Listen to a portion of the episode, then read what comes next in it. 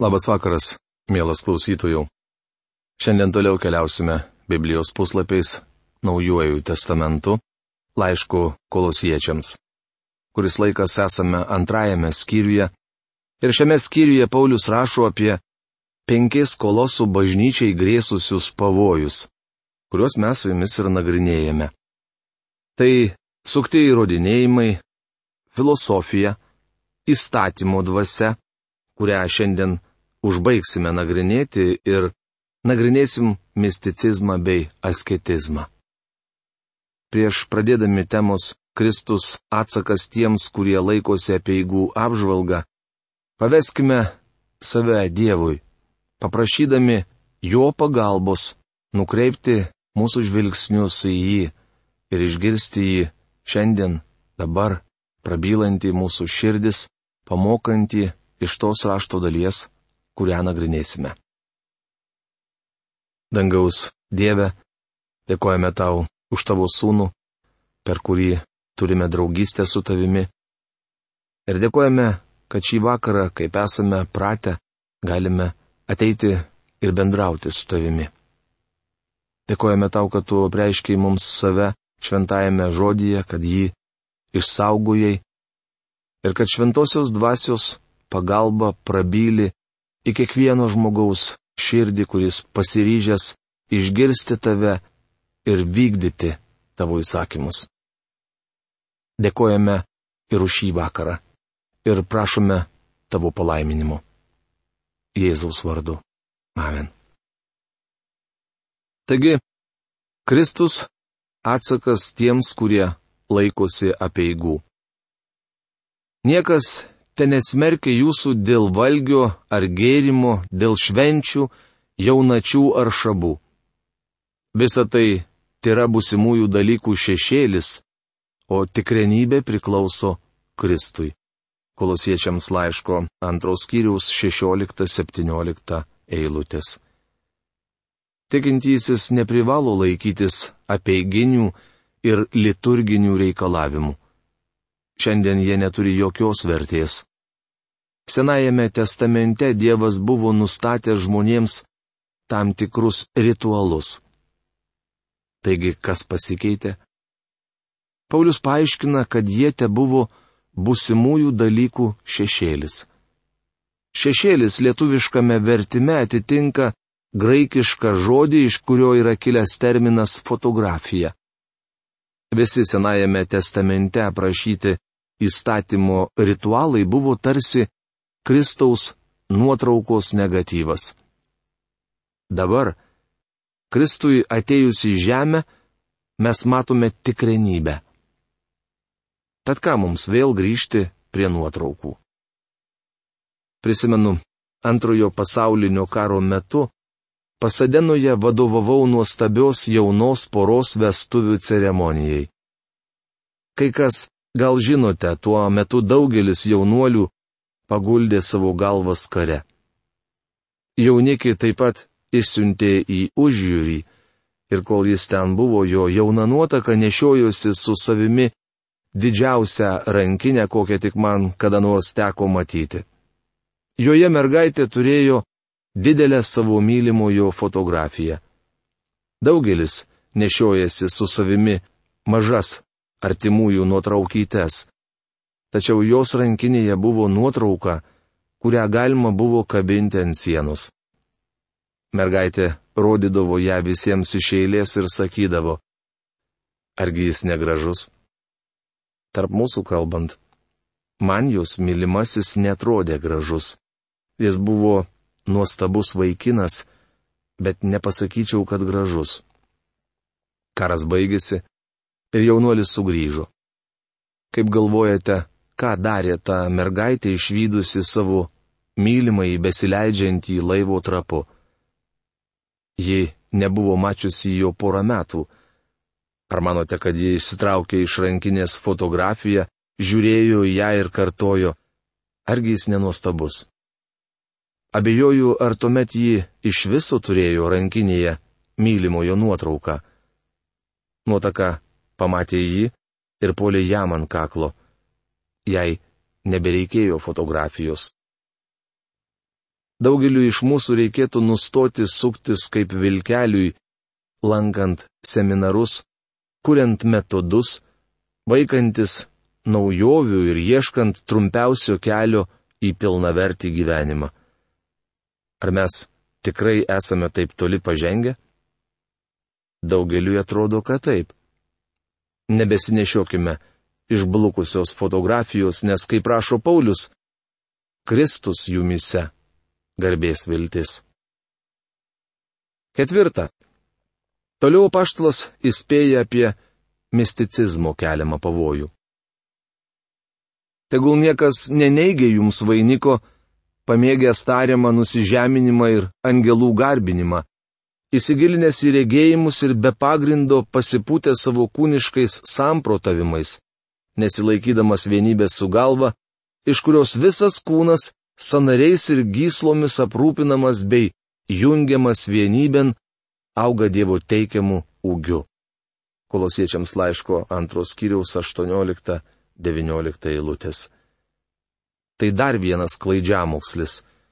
Paulius smerkia agnostikus, kurie tarėsi esą išmintingi. Šiandien mūsų bažnyčiose taip pat gausu superšventuolių. Aš vadinu juos dvasiniais snobais. Pastebėjau, kad dažniausiai jie labai prastai išmano Bibliją. Tie žmonės dedasi žina ir turi kažką, ko iš tikrųjų nei žino, nei turi. Nesilaikydami vienybės su galva reiškia, kad jų santykiai su Kristumi labai paviršutiniški. Beje, ir jų pačių galva silpnai laikosi ant pečių. Penkta. Apaštalas įspėja kolosiečius saugotis ir asketizmu.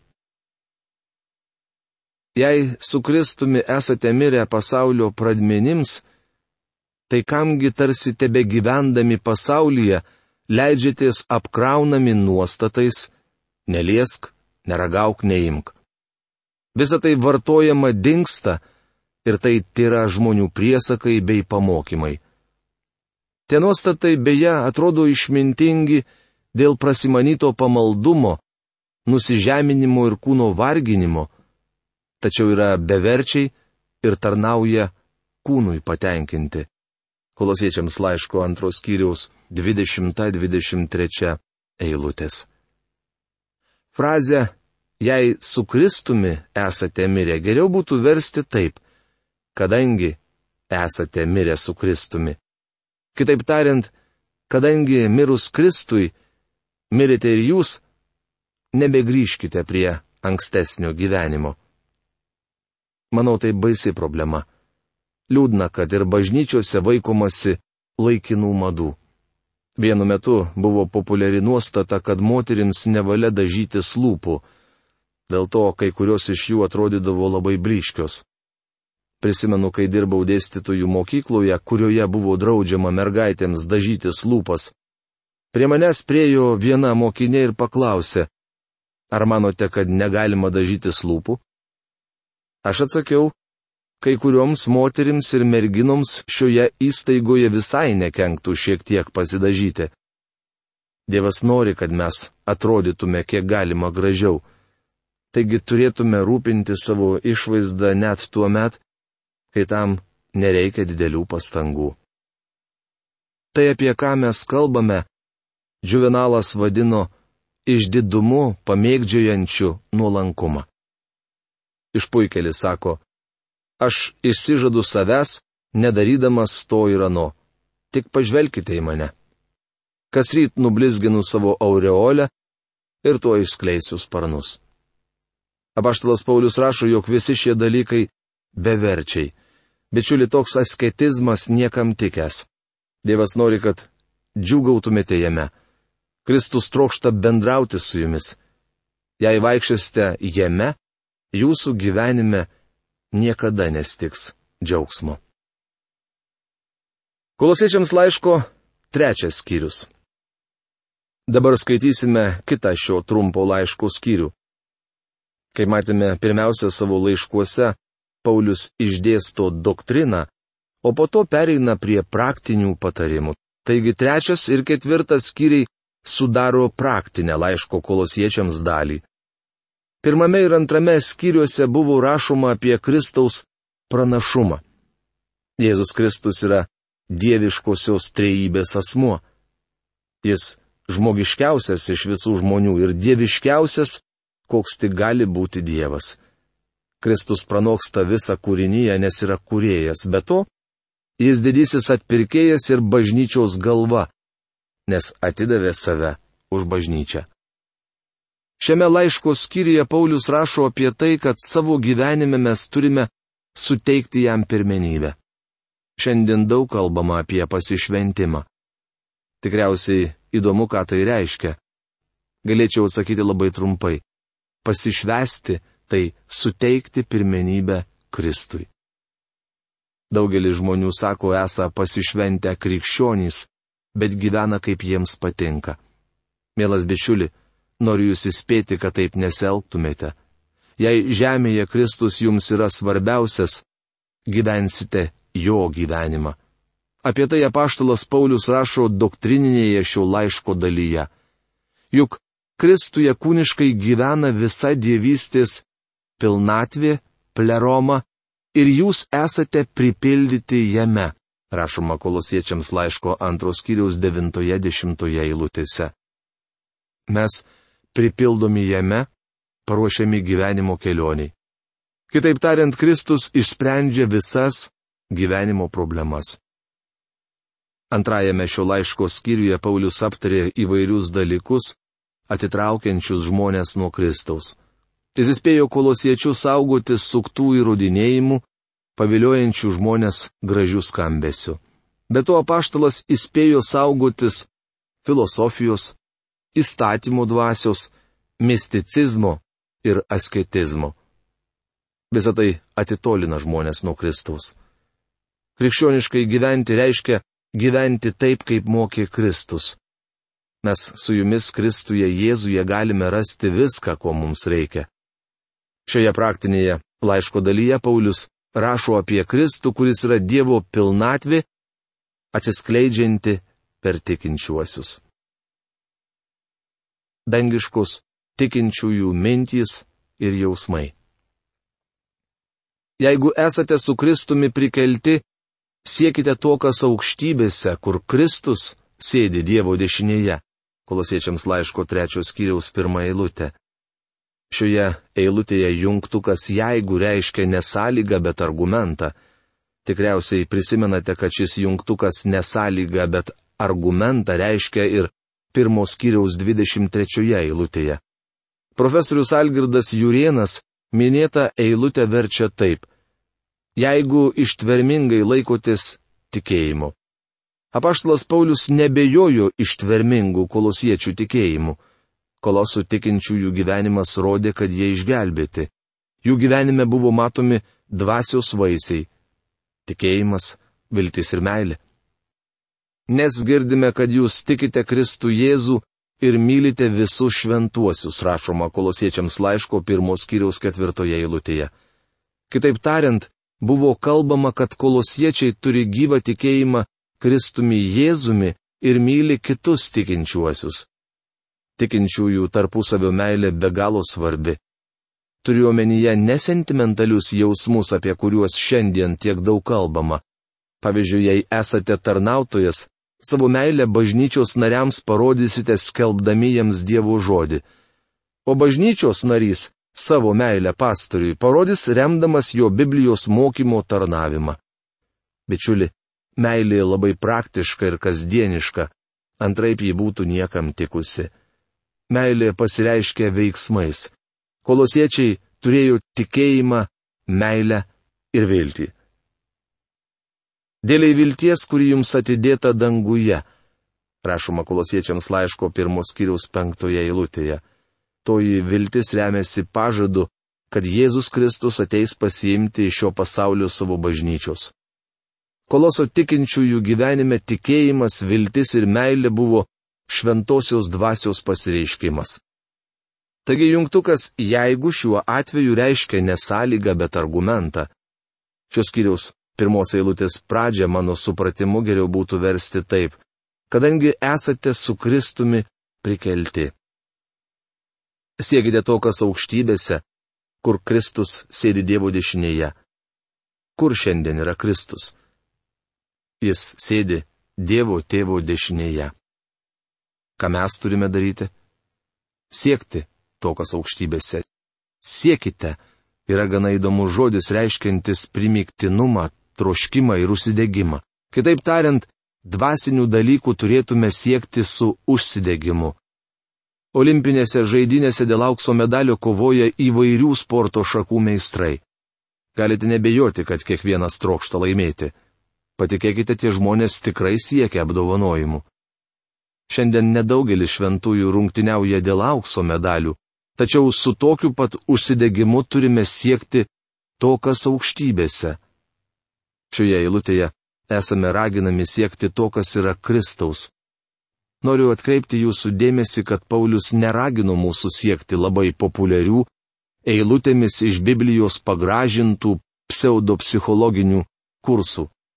Juose per kelis vakarinius užsiemimus išdėstomas visas mokymas ir vargšai sulošinti krikščionys galvoja, turi atsakymus į visas gyvenimo problemas. Jie mano, kad kursuose gali sužinoti, kaip turėtų bendrauti su savo neurotiška uošve ar nepraustaburniu viršininku. Jų nuomonė tai raktas į naują gyvenimą. Norėčiau pasakyti, kad naują gyvenimą galima patirti tik siekiant to, kas aukštybėse, kur Kristus sėdi Dievo dešinėje. Pateiksiu dar asmeniškesnį pavyzdį. Atsakymų į daugelį klausimų nerasite ir klausydamiesi šių radio laidų ar jų įrašų. Regis tai sakydamas metu akmenį į savo paties daržą. Praėjusią vasarą vienos konferencijos metu prie manęs priejo pora ir tarė. Daktarė Magi, mes turime kasetę su jūsų programos įrašu. Klausomės jos mažiausiai kartą per savaitę. Žinote, geriau jie tą kasetę būtų sudeginę. Jaučiau, kad tie žmonės ima garbinti ją ir toji kasetė užstoja jiems kelią pas Kristų. Dabar į savo daržą įmesiu dar didesnį akmenį. Šioje eilutėje Paulius nerašo, kad trokštume pasiklausyti kokio nors pamokslininko ar mokytojo. Norėčiau jums geranoriškai ir atvirai patarti. Nepadarykite daktaro magiją ar bet kurio kito žmogaus savo stabu. Jeigu manęs nepaklausysite, turėsite klystantį stabą ir aukštinsite žmogų, panašų į save patį. Gaila, bet nesu toks, koks norėčiau būti. Nesudėvinkite to, ką sukuria žmogus. Mano tikslas yra skelbti Dievo žodį, kad jūs išvystumėte gyvą į Kristų ir ateitumėte pas jį. Jei šventoji dvasia nenaudoja mano tarnavimo, kad padėtų jums užmėgsti ryšį su gyvoju Kristumi, tuomet jis betikslis, ir nėra jokios prasmės įtesti. Aš visa širdimi tikiu, kad Biblija yra vienintelė knyga, kurioje galime išvysti gyvą į Kristų. Todėl ir mokau jos tiesų. Pateiksiu iliustraciją. Aš mokiausi su vaikinu iš Kanados, kuris papasakojo man apie savo pirmąją kelionę prie Niagaros krioklių. Beje, mūdu su žmona pirmą kartą Niagaros krioklius išvykome visai neseniai. Tuomet tariau jai, Brangioji, žadėjau tau, kad aplankysime Niagaros krioklius per medaus mėnesį. Manau, mūsų medaus mėno dar nesibaigė. Ir štai mes čia. Taigi mano klasės draugas sakė, jog vaikystėje sėdo į traukinį ir nuvyko pasižiūrėti Niagaros krioklių. Beje, įspūdingiausiai jie atrodo iš Kanados pusės. Vaikinas pasakojo, kad išlipęs iš traukinio, išgirdo krioklių šniokštimą, bet jų nematė. Jis patraukė į tą pusę, iš kur sklido garsos ir priejo didelį pastatą. Užėjęs į vidų išvydo kukurūzų spragėsių pardavėjus, sodos vandens aparatą, suvenyrų parduotuvę, o ant grindų visur mėtėsi saldainių bei kramtomosios gumos popierėliai. Šiandien bei ten sėdėjo grupelė žmonių. Berniukas tokiu reginiu nusivylė, bet vis dar girdėjo krioklių ošimą. Tuomet jis pažvelgė į pastato gilumą ir išvydo didžiulį paveikslą.